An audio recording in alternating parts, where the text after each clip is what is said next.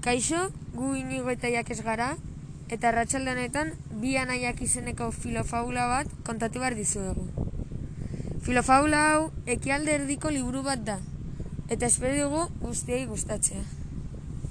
Bazeuden bi, bi anai lursail bat elkarrekin lantzen ari zirela, eta gero usta banatzen zutela. Gau batean, bakoitzak bere zatia gorde zuenean, anaietako bat esnatu eta pentsatzen hasi zen. Nire nahi ezkonduta dago, eta bise malaba ditu. Horrek, nik ez ditudan arazoak eta gastuak eragiten dizkio. Beraz, ale hau, nik baino gehiago bardu. Zako batzuk eramango dizkiot ezkutuan, oso ondo dakidalako, hau proposatzen badiot, uke egingo diola alea onartzeari. Esan zion, zutitu, saku batzuk hartu, eta anaiaren baserrira eraman zizkion. Ondoren berriro eratu egin zen, baina beste anai handiak gutxira esnatu, eta bere buruari esan zion. Ez da bidezkoa nik gure lursaiaren gari erdia izatea. Nire anaiak ez ditu ezagutzen familia bizira, biziren pozak. Etxetik irten eta ondo pasa behar du, eta guzti hori dirua balio du. Nire gariaren zati bat emango diot. Esan zuen beste anaiak. Orduan zutitu eta gari zaku batzuk aldameneko baserrira eraman zituen. Urrengo goizean, bi anaiak beraien baserrian sartu egin ziren.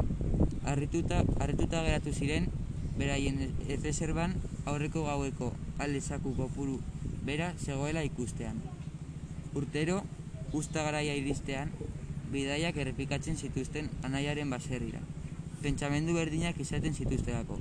Eta ez zuten inoiz ulertu zein zorginkeria eragiten zuen bere biltegiko zaku kopurua beti berdina izatea.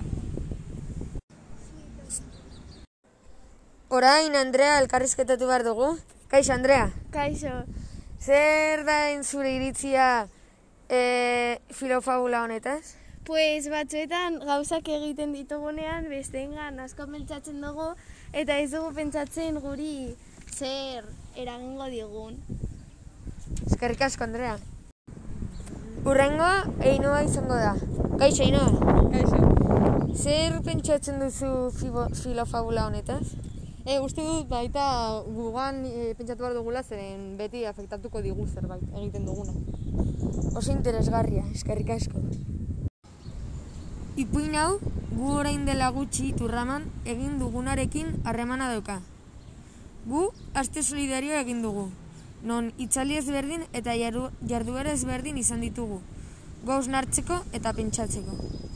Gauzak saldu, dirua irabazteko, gehien bar dutenentzat eta likagai bilketa. Dena, ONG batzuei bidali diagu. Filofabula honetan, bi anaiek beraien maitasuna bestearengan erakusten du, zaku gehiago emanez. Ez direlako ausartzen hitz egiten transmititzea. Gure ustez, bestearengan pentsatzea ongi dago. Batez ere, zure familiako kide bat bada. Gehiago maite eta inporta zaizulako.